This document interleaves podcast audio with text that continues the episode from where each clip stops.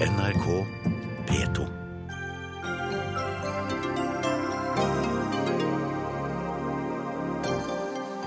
Norge kan bli et Titanic, sier Christian Tybring-Gjedde, og det er innvandrerne som senker oss.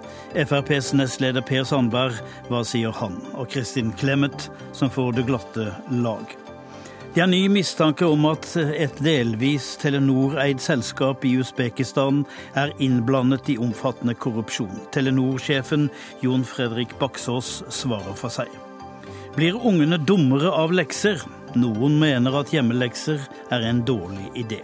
Seks tidligere miljøvernministre fra Høyre til SV kritiserer regjeringens liberalisering av snøscooterreglene, og det blir det debatt av.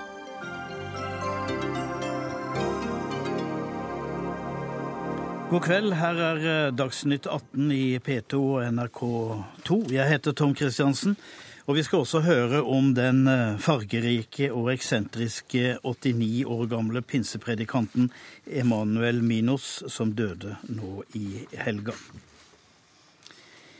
Mens orkesteret fortsetter å spille sank Titanic. Og slik kan velferdsstaten Norge gå under. Det skriver Frp-politikeren Christian Tybring-Gjedde i sin nye bok. Står det så dårlig til? Det ser ikke sånn når du ser ut av vinduet?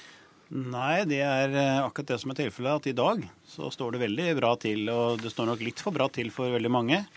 Eh, men det vi opplever i dag, er en eh, innvandringstakt av folk som i liten grad har muligheten til å bidra til verdiskapingen på nær 60 000 i året. Og når vi har det, så sier det seg selv at det vil kreve store velferdsutgifter på sikt.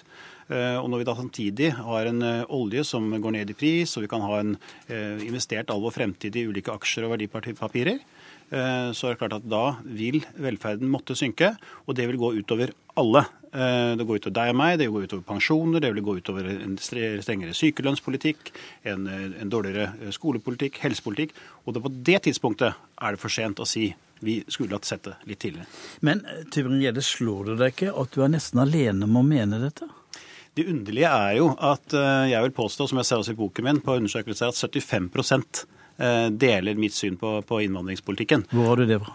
Gjennom statistikk som jeg viser i boken. Hvis du leser boken, da. Det anbefaler folk å gjøre. Ja, jeg har fått den her, men der står det jo, jeg har ikke lest der står det statistikk fra, som er eh, hentet gjennom intervju med folk og ulike partier. Det er flertall i alle partier, bortsett fra SV, for en strengere innvandringspolitikk.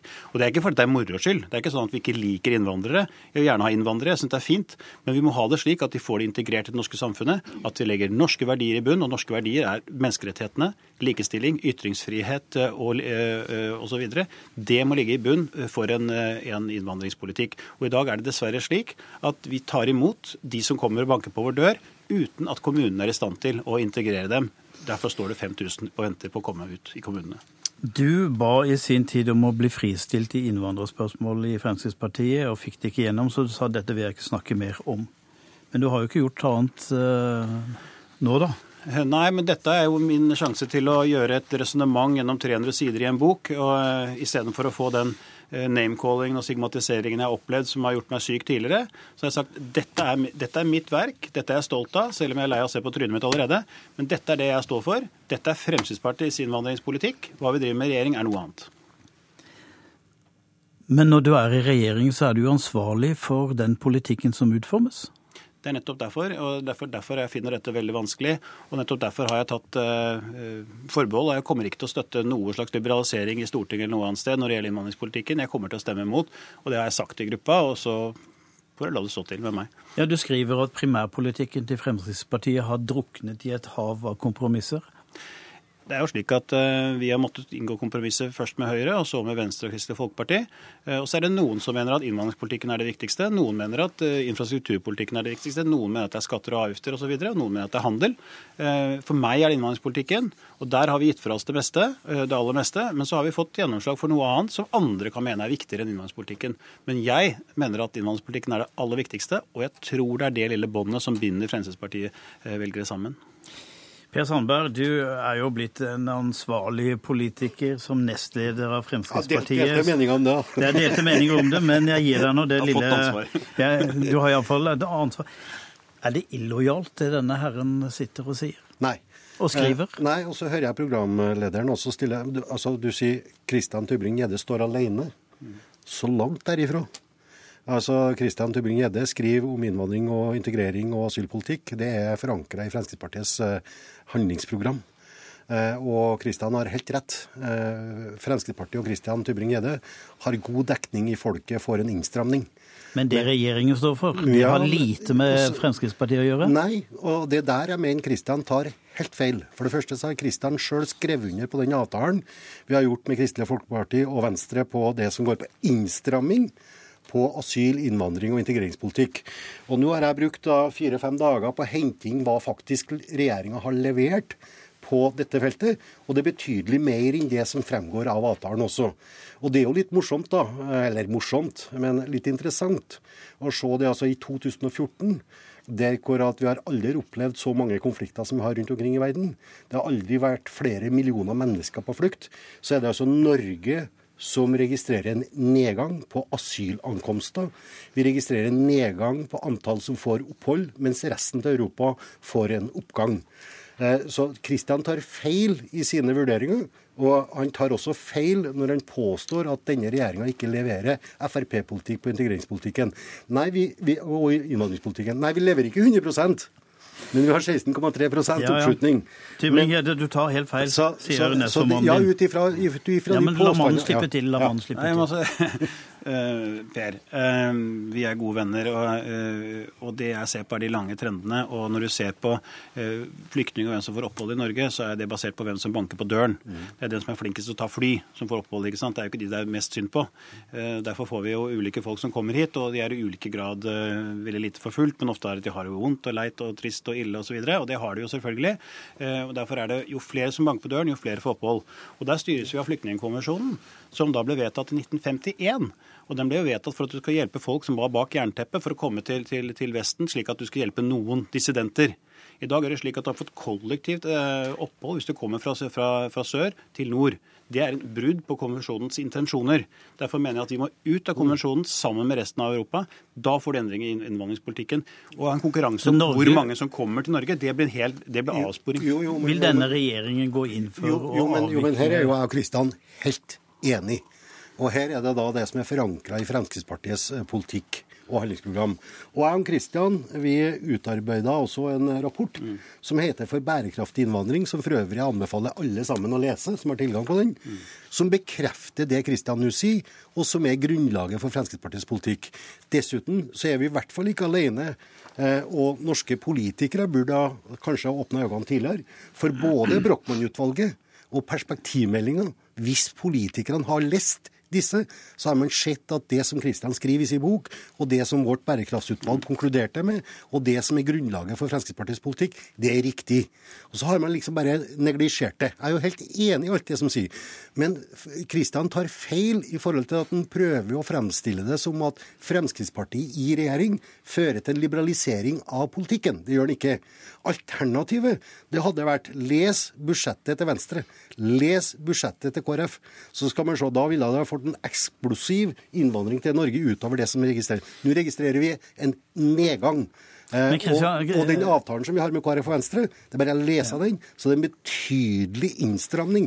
Eh, og det Men får vi se resultatene du av. Du har jo vært med på å undertegne en samarbeidsavtale med Venstre og Kristelig Folkeparti, og du må jo ha lest partiprogrammet deres. Du må jo ha skjønt hvilken vei det måtte gå når de skulle ha et ord med i lag om innvandringspolitikken. Jeg må si at eh, bare for å være helt ærlig på det, så eh, var det litt et, eh, for meg et lurendreierspill, fordi vi hadde skrevet under to avtaler.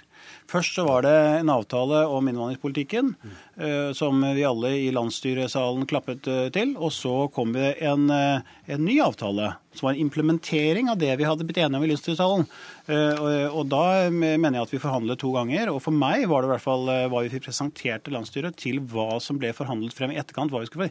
Jeg løp med Anders Anundsen frem og tilbake for å få gjennomslag for vår politikk. Anders gjorde så godt han kunne, men det var veldig tynt. Beklager det, men, men altså, sånn var det, Per. Og jeg syns vi skal være ærlige på det, ikke prøve å, å lure oss unna. Nei, det er helt feil. Den avtalen som jeg satt og fremforhandla oppe på Sundvolden og på Nydalen, den var enstemmig vedtatt. Det foreligger bare én avtale, Det andre som vår stortingsgruppe behandla, det var en konkretisering, konkretisering ja, ja. i forhold til avtalen. Så det er samme avtalen. Og det er like mye innstramning i forhold til det som du stemte for, og det som var konkretiseringa. Så kan jeg gjerne gjenta hva som ligger, da.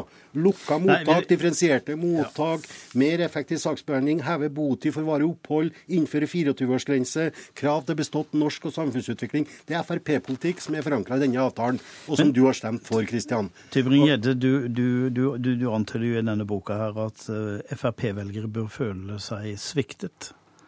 Ja, altså jeg, jeg, For de som mener at innvandringspolitikken er det viktigste, men det er mange som mener at noe annet er det viktigste. Hvis du mener at infrastruktur er det viktigste, eller hvis du mener at skatter og avgifter er det viktigste, ja vel, så, så, så bør du ikke nødvendigvis føle deg sviktet. Men jeg personlig mener at innvandringspolitikken er det viktigste.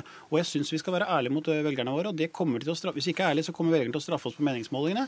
Og jeg syns ikke vi skal prøve å, å føre velgerne våre bak, bak lyset. Jeg syns ikke det er noe galt i å si at her fikk vi ikke gjennomslag. Og det at Venstre og Fremskrittspartiet nå føler samme innvandringspolitikken for, Jo, men det må vi gjøre. Ikke Venstre partiprogram, men Venstre støtter jo altså Vi støtter jo hverandre. Så det, vi, stø, vi, fører jo den samme politikken. Nei, Kristian, igjen feil.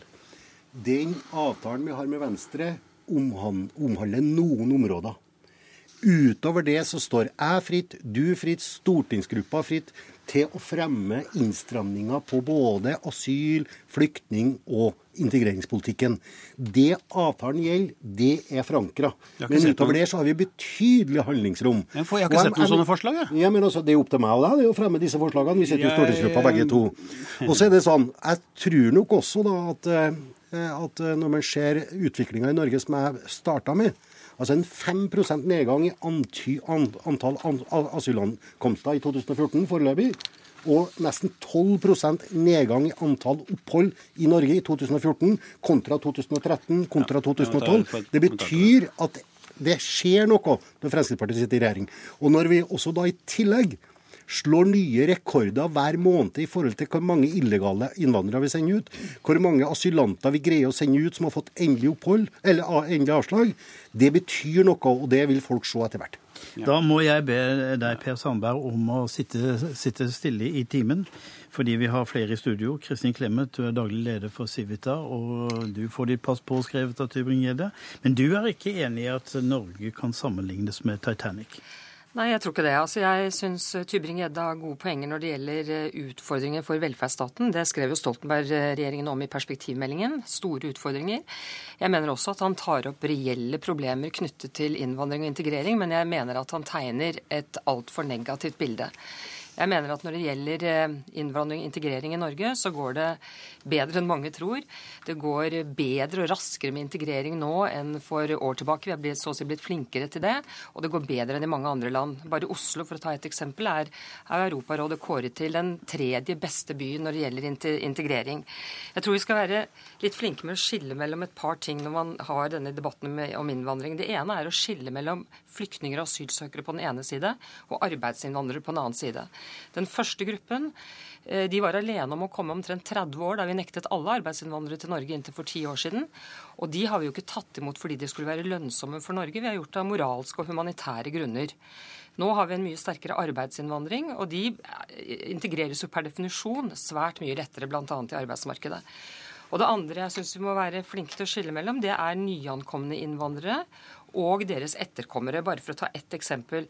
Barn av innvandrere, altså norskfødte av innvandrere i Norge, de har jo en deltakelse, både gutter og jenter, eller kvinner og menn, en deltakelse høyere utdanning som er mye høyere enn befolkningen generelt.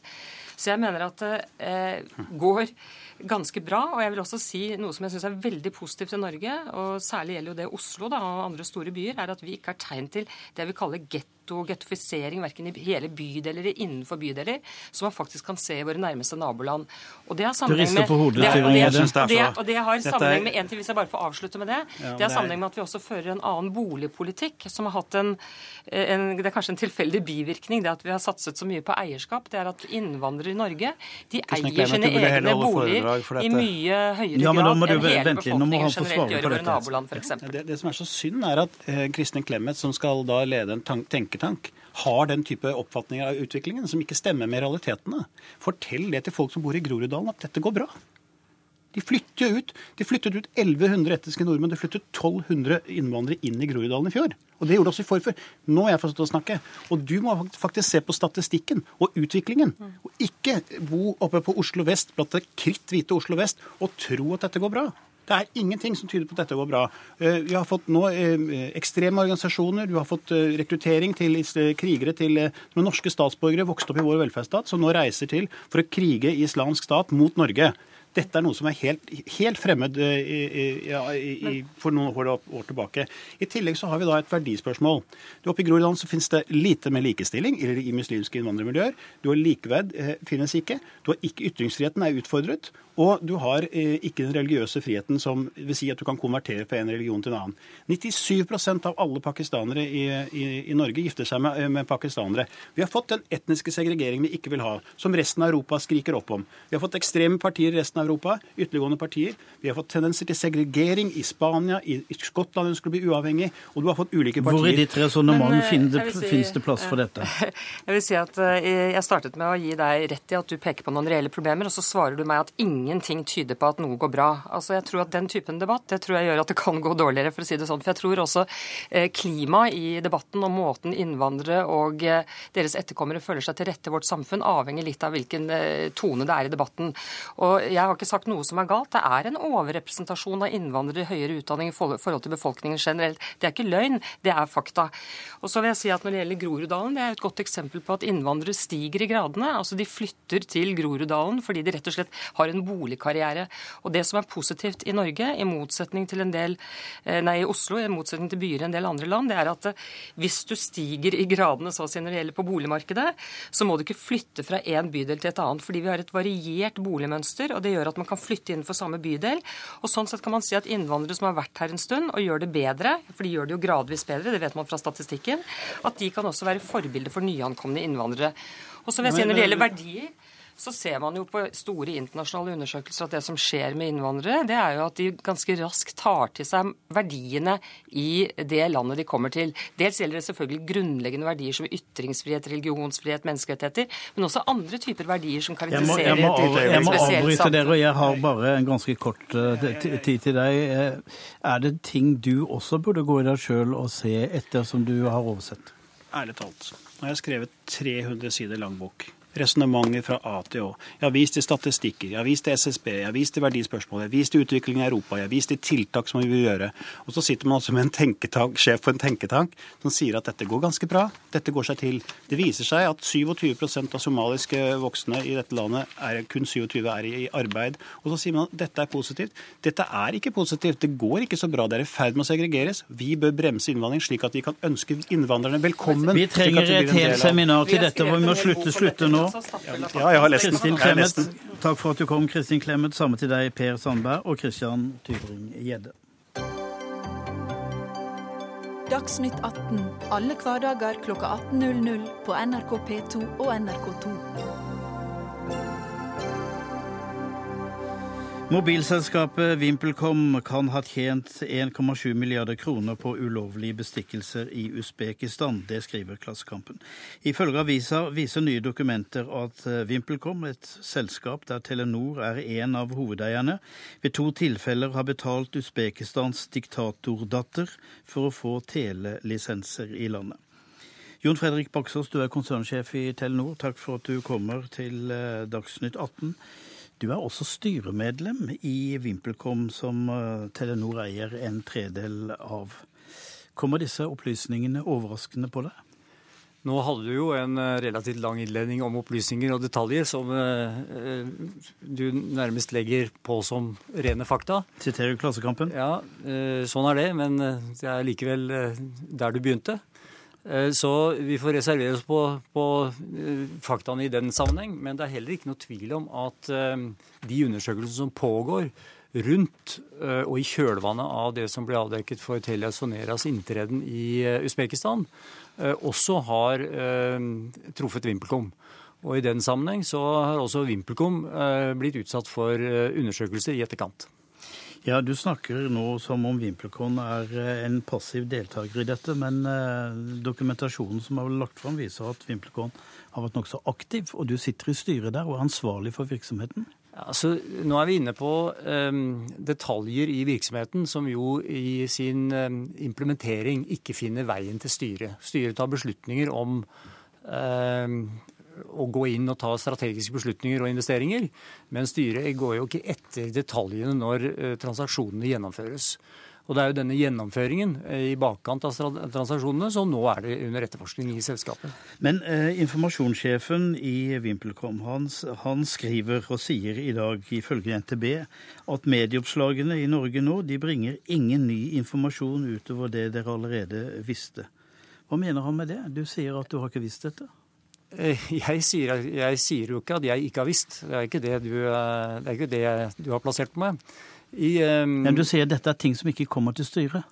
Jo, detaljene på en gjennomføring av en transaksjon eh, tilbake i, eh, for, mer enn, eh, eller for nesten ti år siden, de detaljene kommer jo ikke opp til styret. Men selve undersøkelsen i etterkant, det kommer jo opp til styret. Men informasjonssjefen i VimpelCom sier at det er ingenting nytt av det som er kommet fram i Klassekampen? I henhold til de rapportene som øh, selskapet selv har lagt ut i sin øh, årsrapport til amerikanske myndigheter, så er det som er kommet opp i, eh, fra Klassekampen, del av det eh, rapporteringsgrunnlaget. Så i så måte så har informasjonssjefen rett. I 2010 eh, gikk du inn i styret i VimpelCom. To år etterpå ga du forsikringer til daværende næringsminister Giske, Trond Giske om at lisenskjøpet i Usbekistan hadde gått riktig for seg. Ville du sagt det samme i dag?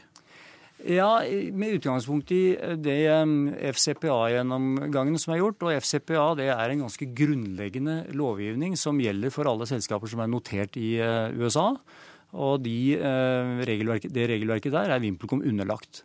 Og innenfor alle de beslutninger som er tatt i, eh, av investeringer opp gjennom årene, så har jeg og andre Telenor-ansatte som har sittet i VimpelComs styre, ved hver transaksjon etterlyst sånn gjennomgang uh, fra, for de investeringene som skal gjøres.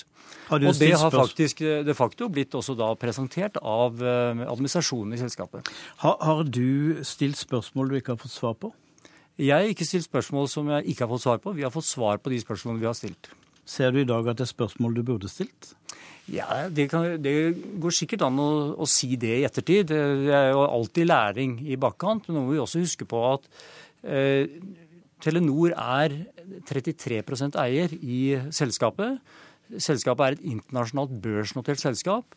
Eh, jeg sitter i styret eh, og er da også i den situasjonen at jeg skal tenke på alle aksjonærers eh, posisjon. Og detaljer av driftsmessig karakter i VimpelCom, det må selskapsadministrasjon svare for, ikke styremedlemmer. Men du skal vel også tenke litt på Telenors omdømme? Ja, Det har jeg jo gjort så til de grader opp gjennom ja, men Dere hadde jo en forferdelig runde i India, og så er det på'n igjen i Usbekistan. Men eh, da må du beskrive hva den forferdelige runden i India var. Fordi det er jo noe helt annet. Jeg vet ikke hva du da hentyder. Runden i India var at vi ble fratatt lisenser for en lisensprosess som vi ikke var med i, og har ingenting med uh, likheter i Usbekistan-saken uh, å gjøre. Og India hadde ingenting med korrupsjon å gjøre? Ikke fortell Nords vedkommende. Men du, du, du arbeider jo i, i, markedet som ligger veldig høyt på korrupsjonsstatistikkene til, på internasjonale målinger. Og da er det kanskje ikke så pussig at du møter korrupsjonen i samfunn som er gjennomsyret av korrupsjon. Ja, Men det betyr jo ikke at du setter likhetstegn med at Telenor deltar i korrupsjon, snarere tvert imot. Vi har nulltoleranse for korrupsjon i Telenor-systemet. Og vi har da heller aldri hatt saker på oss av den karakter innenfor de områdene som vi har hatt driftsmessig ansvar for. Det sa også Telia Sonera, som har jo røket ut i en korrupsjonssak akkurat i det samme selskapet. Ja, men Telia Sonera må svare for seg. Jeg må svare for Telenor. Og opp gjennom årene så har jo påstanden om at det ikke har vært mulig å gjøre forretning i en del land også vært eh, lagt mot Telenor. Men alle de undersøkelser som både medier og andre har gjort underveis, har også eh, konkludert med at vi ikke har hatt den type problemstillinger opp gjennom årene. Og det er jeg veldig sikker på, at vi har prosedyrer og, og tilnærminger som, som, holder, så kan jeg selvfølgelig ikke garantere det i ett og alt nedover. Men utgangspunktet er veldig klart. I dag sier reporteren i, i svensk fjernsyn, som jo avslørte Telia, Telia Sonora-skandalen, at uh, disse andre transaksjonene her har vært gjennomført på nøyaktig samme måte. Samme bank, samme metode. Ja, det kan ikke jeg verken avkrefte eller bekrefte. Det får være, stå, for, stå for hans regning. Hva gjør du som uh, Telenor-sjef hvis det blir avdekket at, uh, at VimpelCom har drevet korrupsjon? Ja, nå har vi jo jobbet med dette spørsmålet fra Telenors side gjennom mange anledninger.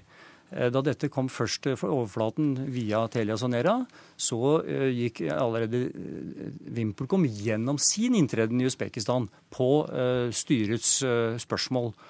Eh, slik at Dette er jo ikke et spørsmål som eh, kommer overraskende på oss, at den også forfølger eh, VimpelCom. Og VimpelCom er da selvfølgelig også lagt til undersøkelser. Og Det foregår en undersøkelsesprosess fra diverse lands myndigheter for å avdekke de konkrete fakta i denne saken. Og Så får vi se hva resultatene av det blir. Da dere gikk inn i Usbekistan, som jo, altså ikke som Telenor, men gjennom et, dette selskapet, hvilke tanker gjorde du deg da om å havne i eh, denne smørja som, eh, som korrupsjonen brer seg om ja, enhver forretningsmann som drar til den adressen? Nå eh, får jeg jo da si at i 2006 og 2008, som dette ble, der disse inngangsavtalene ble etablert, eh, da var jo ikke jeg i styret i VimpelCom. Og de detaljene kom jo da ikke ut på utsiden av VimpelCom på det tidspunktet. Min inntreden i styret i 2010 eh, det har med eh, en senere periode å gjøre. Og jeg har fra mitt vedkommende vært aktiv på de tingene som har dukket opp i den perioden jeg har vært der. Da sier jeg takk til deg, Baksås.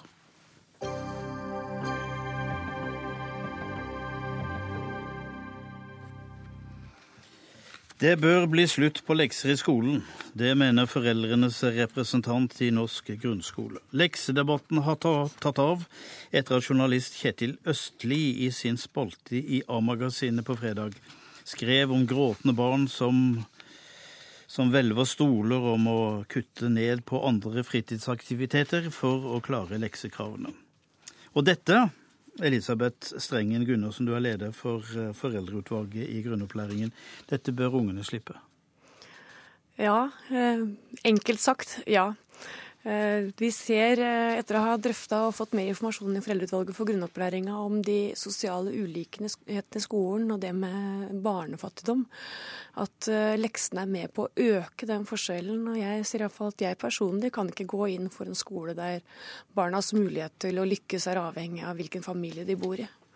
Men det er jo den som gjør lekser, som blir flinkest på skolen. Ja, sånn som skolen, og klarer seg best. Sånn som skolen er lagt opp i dag, så er det det. Det er helt riktig. Ja, og derfor er vel det et gode, da? Ja, men så viser jeg jo, hvis man forsker på det, sånn som Hattie, som er liksom blitt berømt da, som den store guruen, i forhold til at leksene har fint lite å si i forhold til det å bli flink. Det er andre virkemidler som er langt mer effektive hvis det er målet er å få elevene flinkere. Og det er jo et mål for oss alle sammen, om vi er foreldre eller elevene sjøl.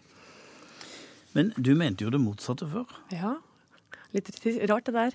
Som vanlig mamma så, og det var sånn jeg kom inn i utvalget også, med barn hjemme, så så jeg at den enkleste måten for meg å følge opp ungene på skolen og vite hvordan de hadde en fremgang på, var ved leksene. Det er ikke tvil om at for de aller fleste foreldrene så er det sånn det gjøres, men det sier egentlig mer om hvor dårlig skolen er til å involvere foreldrene i det arbeidet foreldrene virkelig kan bidra med, nemlig det skolemiljøet, hvor påvirker hvordan ungene har det sammen. I siste uke var det mye snakk om mobbing, hvor foreldrene virkelig kan bidra. Og da kan foreldre bidra når det gjelder motivering, og helt, disse tingene er helt uavhengig av hvor mye utdanning de har, eller om de er friske, eller om de er hjemme når barna kommer hjem fra skolen og skal gjøre leksene. Henrik Asheim, du er for, uh, i Høyre for, og sitter i kirke-, utdannings- og forskningskomiteen på Stortinget.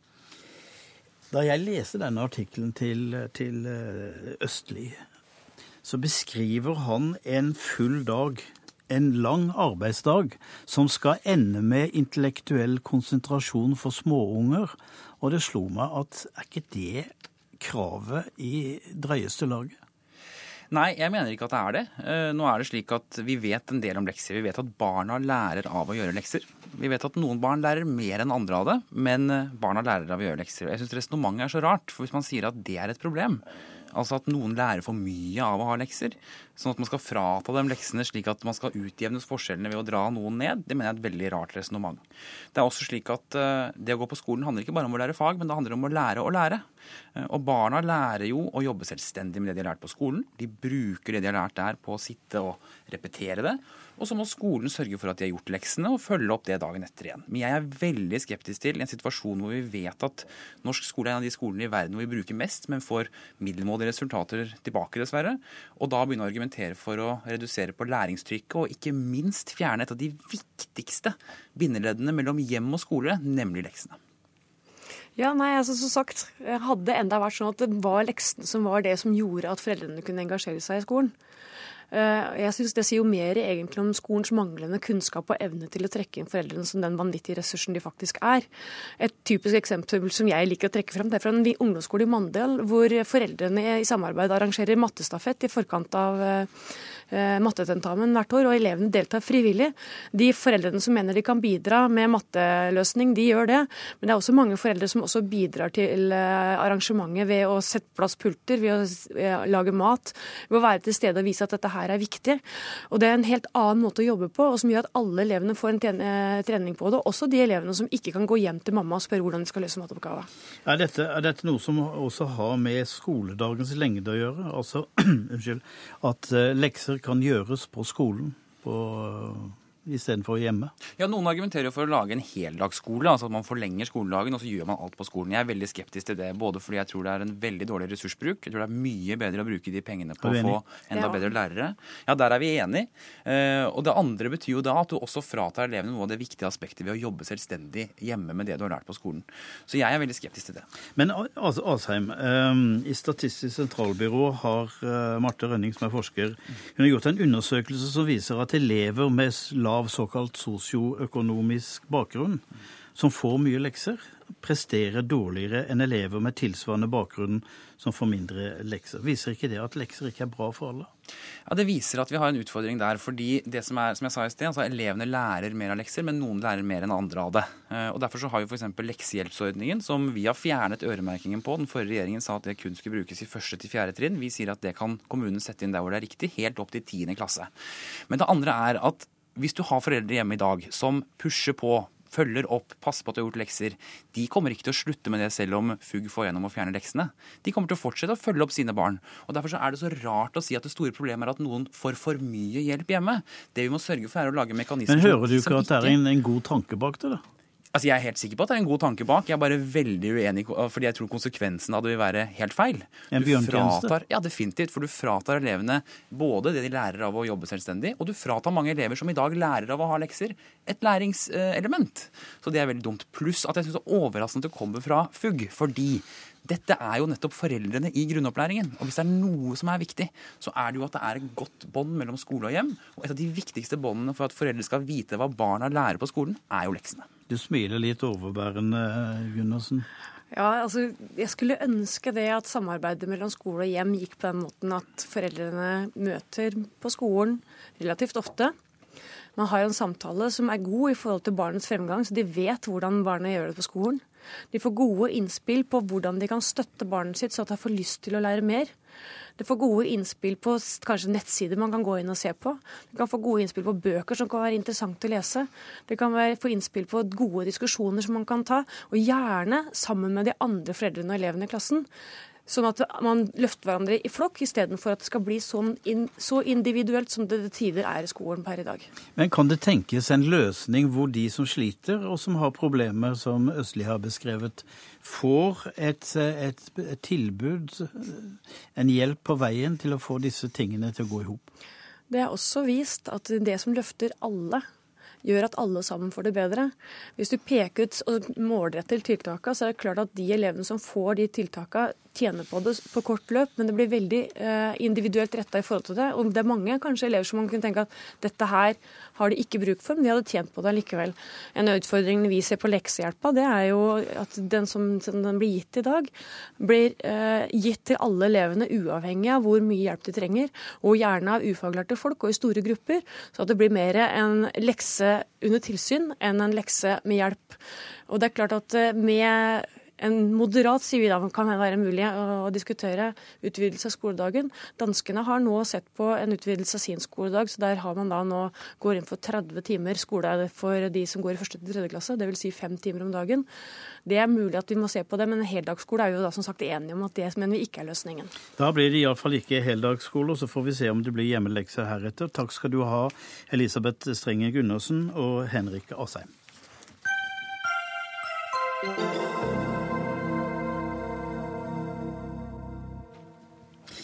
Romania får ny president. Den, den, konservative Klaus Johannis slår ut den sittende statsministeren, sosialdemokraten Viktor Ponta. Ja da, Seim, du er historiker. Hvem er denne nye mannen, Klaus Johannis, som blir Romanias neste president? Ja, det er mye interessant med han. Han er um, den første ikke etniske rumener som velges til president i Romania. Han tilhører den uh, tyske minoriteten, som er uh, egentlig ganske liten i dag. Han har vært en uh, vellykket borgermester, blitt kjent for det, i en av Romanias større byer, Sibiu.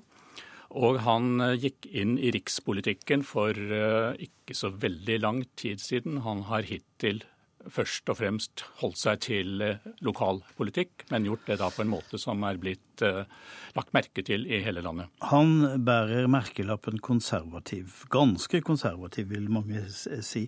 Vil uh, rumenerne oppdage et nytt samfunn med han? Jeg tror ikke han vil føre til noen spesielle forandringer på den skal vi si, på høyre-venstre-aksen, hvis man tenker sånn. Hans eh, da han gikk inn i politikken eh, på riksplan, så var det i et av de store eh, og dominerende borgerlige partiene, det nasjonalliberale partiet, som har hatt en rekke andre politikere, men som nå valgte han. Og hans, det han har kjørt mest på i valgkampen, det er å få respekt for rettsstaten, en uavhengig et uavhengig rettsvesen, altså det som skal til for å dempe, slå ned på og utrydde helst korrupsjon og slike ting. Bemerkelsesverdig nok, den eh, ortodokse kirke gikk massivt inn for han. Det er veldig sjelden at en kirke gjør.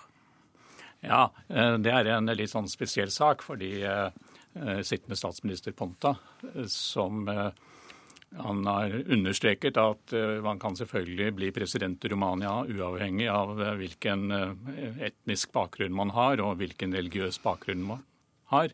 Samtidig så passet han på å si det at men jeg vil heller ikke at noen skal si at jeg skal skamme meg over å være etnisk rumener og ortodoks. Altså et skjult budskap til landets ortodokse kristne, den store majoriteten, om å stemme på han, samtidig som den ortodokse kirken har fått ganske god økonomisk oppbacking av staten i forbindelse med en del nye kirkebygg osv. Men uh, Johannes han, har, han er da uh, faktisk lutheraner, fordi han tilhører Ja, Og hvorfor støtter de ortodokse en lutheraner istedenfor en ortodoks? Nei, altså, Eh, jeg tror for den ortodokse, den kirke har benektet på, altså på topplan at de støtter noen av kandidatene. Deres program, er, deres eh, program utad er å være nøytrale i slike spørsmål og ikke ta stilling til om eh, en, den ene eller den andre skal velges. Så det har vært et mer sånn skjult budskap.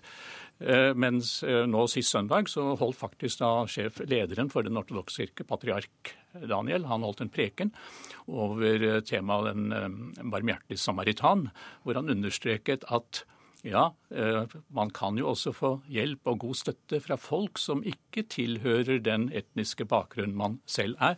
Så han er allerede på god vei til å vri dette til at han er veldig glad for den barmhjertige.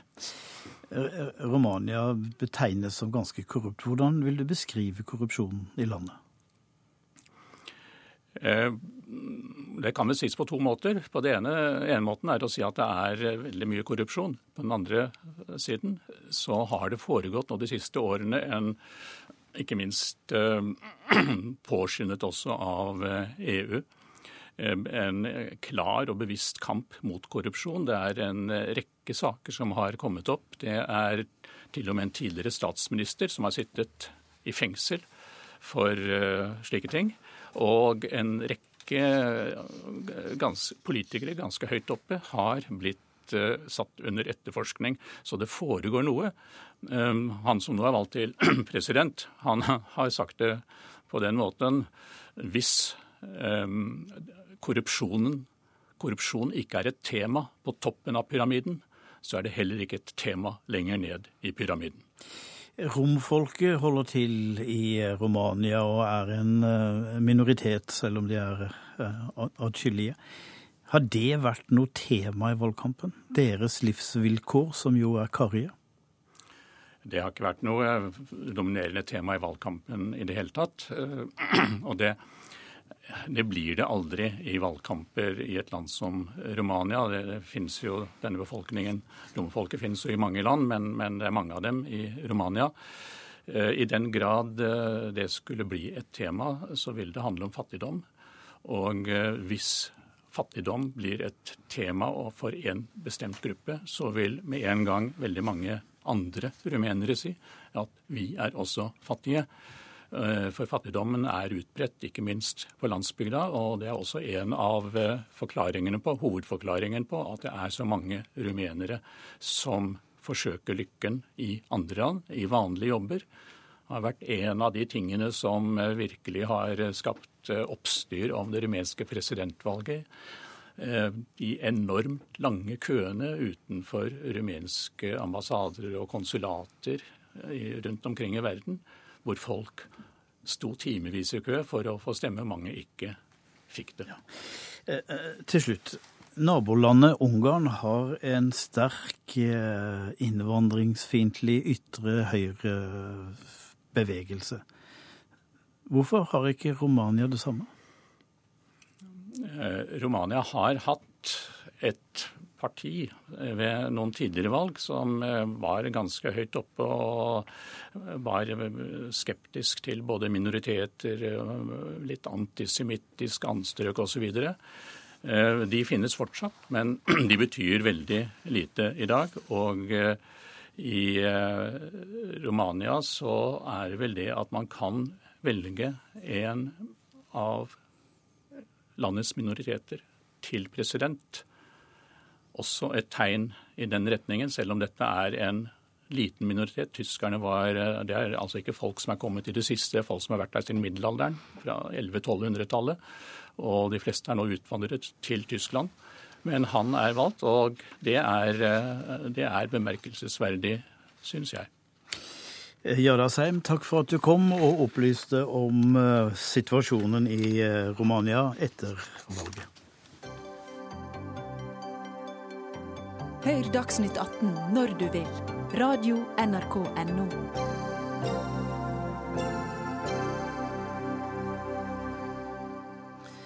Seks tidligere miljøvernministre fra Høyre til SV, sammen med Naturvernforbundet, skriver i en felles kronikk i VG i dag mot regjeringens forslag om å tillate snøscooterkjøring for moro skyld. Forslaget truer både nasjonale verdier, folkehelse, friluftsloven og naturmangfoldet. Det mener de tidligere ministrene, og de kommer altså fra Høyre, Senterpartiet, KrF, Venstre, Arbeiderpartiet og SV. Og I tillegg er altså forslaget mangelfullt utredet, mener forfatterne i, i, i sin betraktning. Bård Vegar Solhjell, tidligere miljøvernminister fra SV, du er en av dem som har skrevet under. Hvorfor er det først og fremst, hva er det som først og fremst er galt ved å tillate fornøyelseskjøring med snøscooter, som dere kaller det? Det er ikke sikkert at disse snøscooterne bråker like mye som de gjorde på 70-tallet på Finnmarksvidda. Nei, snøscootere de bråker mindre enn før, men det viktigste eh, argumentet til oss eh, seks statsråder som faktisk representerer alle partier som har hatt miljøvernminister i Norge, det er at Det å ta vare på stillheten i norske fjellheimen, at uh, du kan gå til beins eller til ski og oppsøke store områder uh, uten bråk og motorisert ferdsel, det er en unikt viktig verdi som veldig mange mennesker i Norge tar i bruk. Og Derfor er det òg et stort flertall ifølge meningsmålingene som ikke ønsker å åpne for uh, fornøyelseskjøring, altså kjøre for moro skyld på viddene våre. Så er det i tillegg sånn at vi tror det er negativt for folkehelsa hvis vi får generasjoner nå der flere kjører scooter enn å gå til beins i fjellet. Og vi tror det kan være negativt for naturmangfoldet vårt. Altså at det kan være eh, arter Villrein er et eksempel som kan bli mer utsatt ved snøscooterkjøring. Hvor har du fått disse skrekkvisjonene fra? Det er ikke skrekkvisjoner. Eh, det er jo bare å se på at det er ganske mange land som har eh, åpna for snøscooterkjøring for moro skyld. Og det vi ser i de landene, er at det er langt mer scooterkjøring innover. Uh, og den spesielle norske tradisjonen med at vi går i fjellet, at det er stillere der, at man kan oppsøke det, den tror vi er trua av det. Og det er på ingen måte skrekkvisjoner. Det er en ærlig debatt om hvilke verdier vi setter viktigst. Vi syns det er viktig å sette ja. den, det å ta vare på den tradisjonen og den stillheten høyt. Men altså, det er jo en del som gjerne vil ha rekreasjon ved sjøen. Mm. Og de har jo vent seg til at det derre båtklukket får du jo ikke uten videre. Der er det jo mye støy fra båter. Det er greit, men ikke en stillegående snøscooter på, på vidda. Jo, men eh, det er jo eh, veldig Vi gjør jo veldig mye for å beskytte viktige rekreasjonsområder ved sjøen òg. Kan godt sammenligne det. Når vi har en streng strandsonepolitikk og prøver å hindre nedbygging der, så er det nettopp for å ivareta rekreasjonen eh, i strandsona. Eh, og så kan jeg bare få presisere at det vi ønsker, er jo ikke å hindre nyttig bruk av snøscooter. Det kan være for redningsselskaper, for at funksjonshemma skal komme seg ut i naturen, eller for å kjøre eh, varer til hytter som ligger langt unna veien.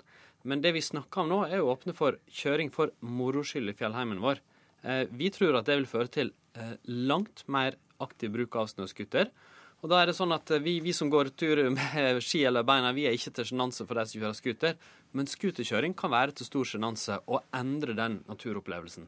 Det krever at vi prøver det ut, grundig utreder det, istedenfor bare kjøre på eh, sånn som regjeringa har valgt å gjøre. Odd Henriksen, du er stortingsrepresentant fra Høyre. Og eh, disse tingene er det du som har hånd om i energi- og miljøkomiteen eh, på Stortinget. Henger dette sammen? Nei, det, det er jo en statsråd fra ditt eget parti som er blant disse undertegnerne her også? Nei, Det henger ikke sammen i det hele tatt. Og for å si det sånn, eh, Den beskrivelsen som er gitt av naturen, både når det gjelder stillhet og hvite vidde og skogens ro, det er jeg faktisk helt enig i. Det er viktige, viktige verdier som vi skal ta vare på. Men det går altså faktisk helt godt an å ha de, ha de verdiene og i tillegg lage turistløyper hvor man kan kjøre scooter. Det er altså ikke sånn at verken regjeringa eller Høyre går inn for at det skal bli fritt vilt, og at man skal kjøre hvor som helst i naturen. Og ja, for å si det sånn, han, Vegard har vært og besøkt meg før, og jeg går mye på fjellet og, og vandrer i naturen. Jeg skal ta han med på opp til Sulis, der, som vi har en forsøkskommune der de faktisk har hatt lov å ha turistløype. Jeg skal ta han med opp til Sulis og invitere han på tur. Han skal gå i dagevis uten å se verken folk eller å høre scooter. Dette er uproblematisk. Dette kan vi kombinere. Begge deler er godt mulig å kombinere. Altså, jeg har, Det er riktig at jeg har besøkt Odd Henriksen. Han var ordfører i eh, Fauske, i en flott kommune. Eh, og en av grunnene til at det er sånn at vi kan gå dagevis i Norge mange steder, er jo nettopp at vi har valgt å ikke ha åpning for rekreasjonskjøring, altså kjøring for gøy. Mens mange av eh, landene vi kan sammenligne oss med ellers, har valgt å ha det. Og jeg tror tvert imot at det er svært dårlig dokumentert at vi bare kan gjøre det, og så vil alt fortsette som før. Jeg tror vi kommer til å få langt flere scootere. Eh, veldig mye tyder på at det kommer til å bli mange kommuner som ønsker ja, Men Henriksen har jo erfaring for dette. I Fauske skal vi holdt på med dette i ti år. Vi har vært forsøkskommuner i ti år uten at dette er noe som helst slags problem. Og for å si sånn, Der vi skiller oss fra de som skriver den artikkelen, er det at vi tror faktisk at alle disse hensynene som man etterspør, er kommunene i stand til å gjøre sjøl. Altså, de skal vurdere disse tingene når planarbeidet skal gjøres. Og vi har tillit til at kommunene, min kommune og mange andre kommuner, vil gjøre disse vurderingene og si at enkelte plasser er det selvfølgelig ikke lov å kjøre scooter. og Man kan lage ei løype hvor man kan ha litt rekreasjon. Dette er faktisk uproblematisk. Vi er utafor Nordmarka. Kom til min landsdel, jeg skal vise dere de mulighetene som er. Det er mulighet til å kombinere både snøscooterkjøring og å vandre i fjellet med, og, ha, ha ro og fred. Dette er helt uproblematisk. Siden jeg er oppvokst på bygda, så vet jeg at det er stor motstand òg på bygda i Norge. Faktisk Men... viste en måling nettopp at selv i Distrikts-Norge, der jeg selv kommer fra, så er det et flertall som ikke ønsker å liberalisere snøscooterkjøringa. Men, Men, da ordner jo kommunen det sjøl! Da sier de nei. Kan, kan, jeg få lov til å stoppe opp det med forsøka? For vi har hatt eh, sju-åtte kommuner i Norge som har prøvd det ut men uten at det egentlig har vært systematisk evaluering og forsøk med det. Derfor foreslo den forrige regjeringa da jeg var miljøvernminister, at vi skulle gjøre et forsøk i en del kommuner for i det minste å finne ut hvordan det kunne gå. Det hadde vært en, men, si, en rolig ja. tilnærming til det. Men, men den, dere... det forsøket ble altså eh, droppa. Det er utvida til at hvem som helst kunne få lov. Nå har de valgt å bare kjøre videre og innføre det uten å prøve først. Men dere frykter at det skal komme 200 000 snøscootere opp, eh, opp, eh, opp, i snøen? Det er dobbelt så mange som det finnes mopeder i landet. Hvor i all verden får dere sånn tall fra? Altså, Det er ca. 300 000 snøscootere i Sverige. Eh, Norge er halvparten så mange mennesker, men større kjøpekraft og flere som bor nær. Ingen kan jo vite eksakt hvor mange scootere som kommer, men at det kommer til å komme mange flere snøscootere og bli mer kjøring hvis vi åpner for det i de fleste kommuner i Norge, det er ikke jeg i et sekund i tvil om. Og så må jeg få lov til å spørre Henriksen, fordi når dere sjøl eh, sendte ut det forsøket som dere senere trakk, så skrev dere i det at det ville være citat, uforsvarlig å åpne for etablering av snøscooterløyper for fornøyelseskjøring i hele landet, uten, at, uten citat, ny og nødvendig innsikt om konsekvensene for naturmangfold, friluftsliv og folkehelse. Altså, Dere sa det trengs mer kunnskap. Så har dere bestemt at nei, nei, vi bare, vi bare kjører på og gjennomfører det. Kunne ikke det vært en idé å utrede det først, og prøve det ut, istedenfor å bare eh, kjøre det gjennom et knapt flertall i Stortinget? Ja, Det kan vi ikke gå inn på nå, for nå er tiden ute. Jeg takker deg, Bård Vegar Solhjell, og også til deg, Odd Henriksen.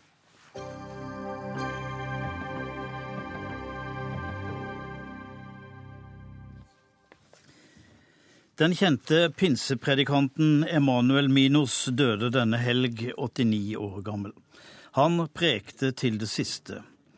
Og det hadde han gjort siden han som seksåring sto på ei trekasse og forkynte evangeliet.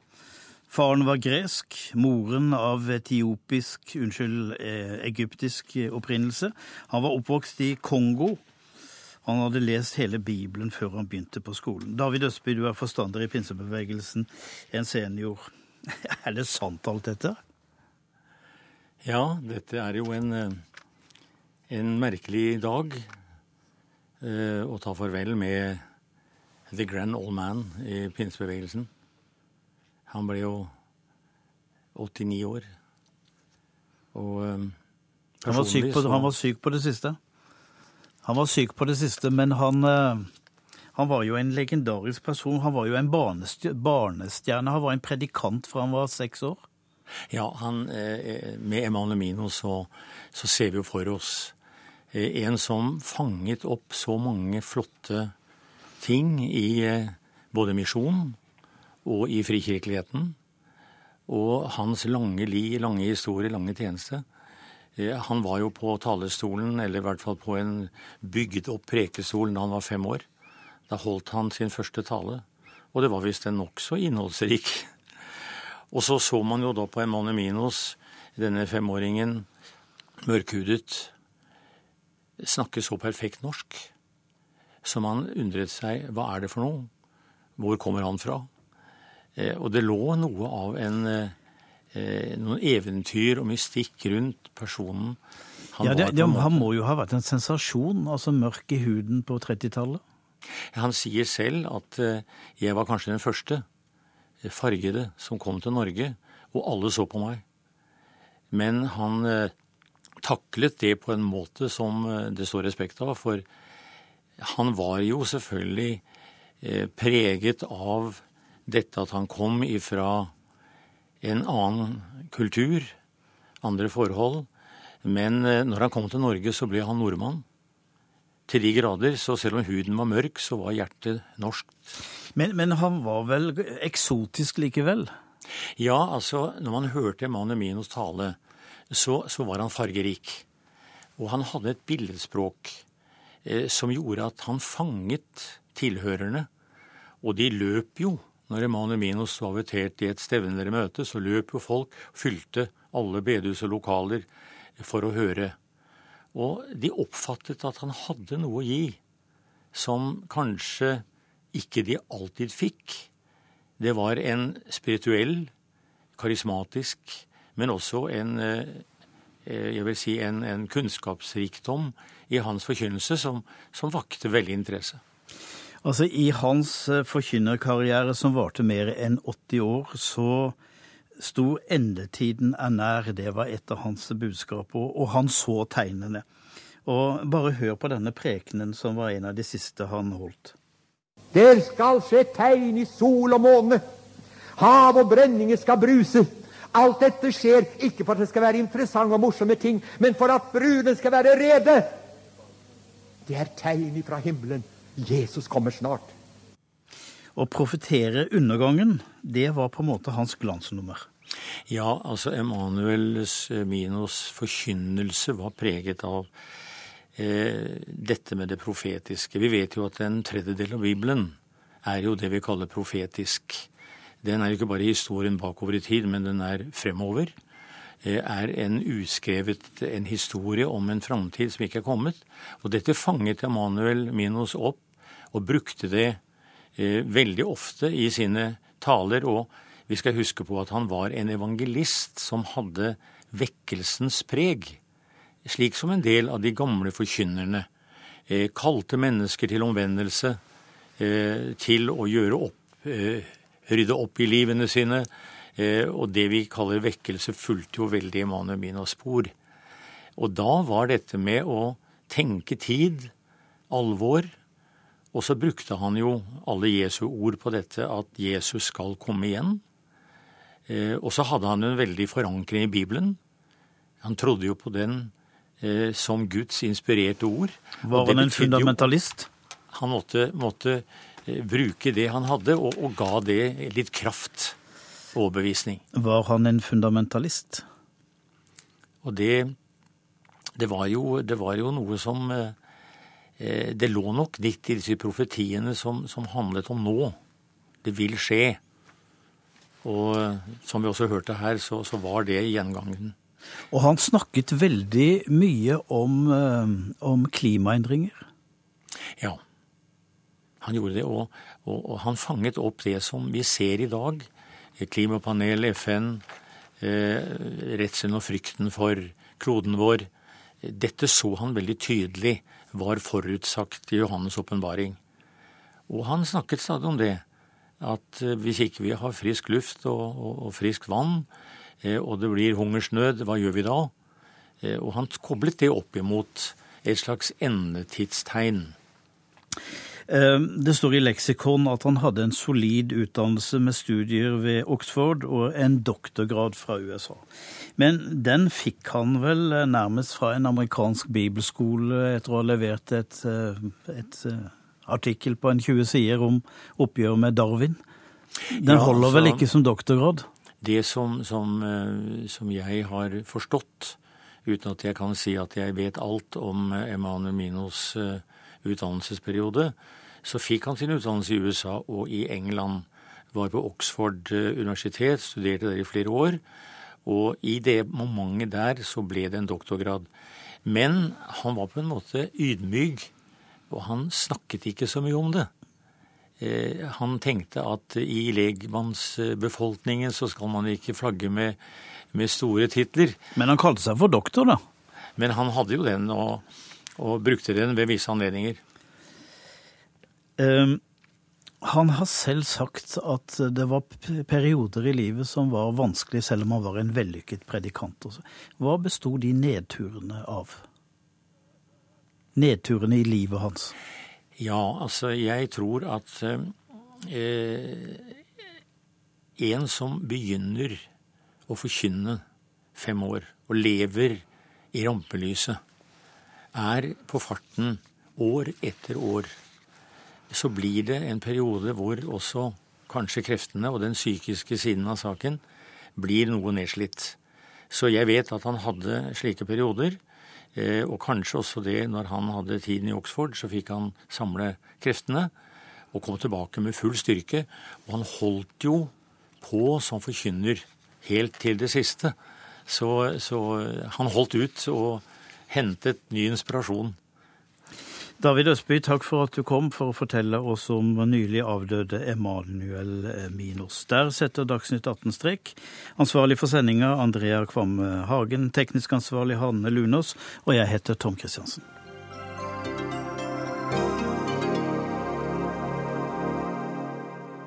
Hør flere podkaster på nrk.no podkast.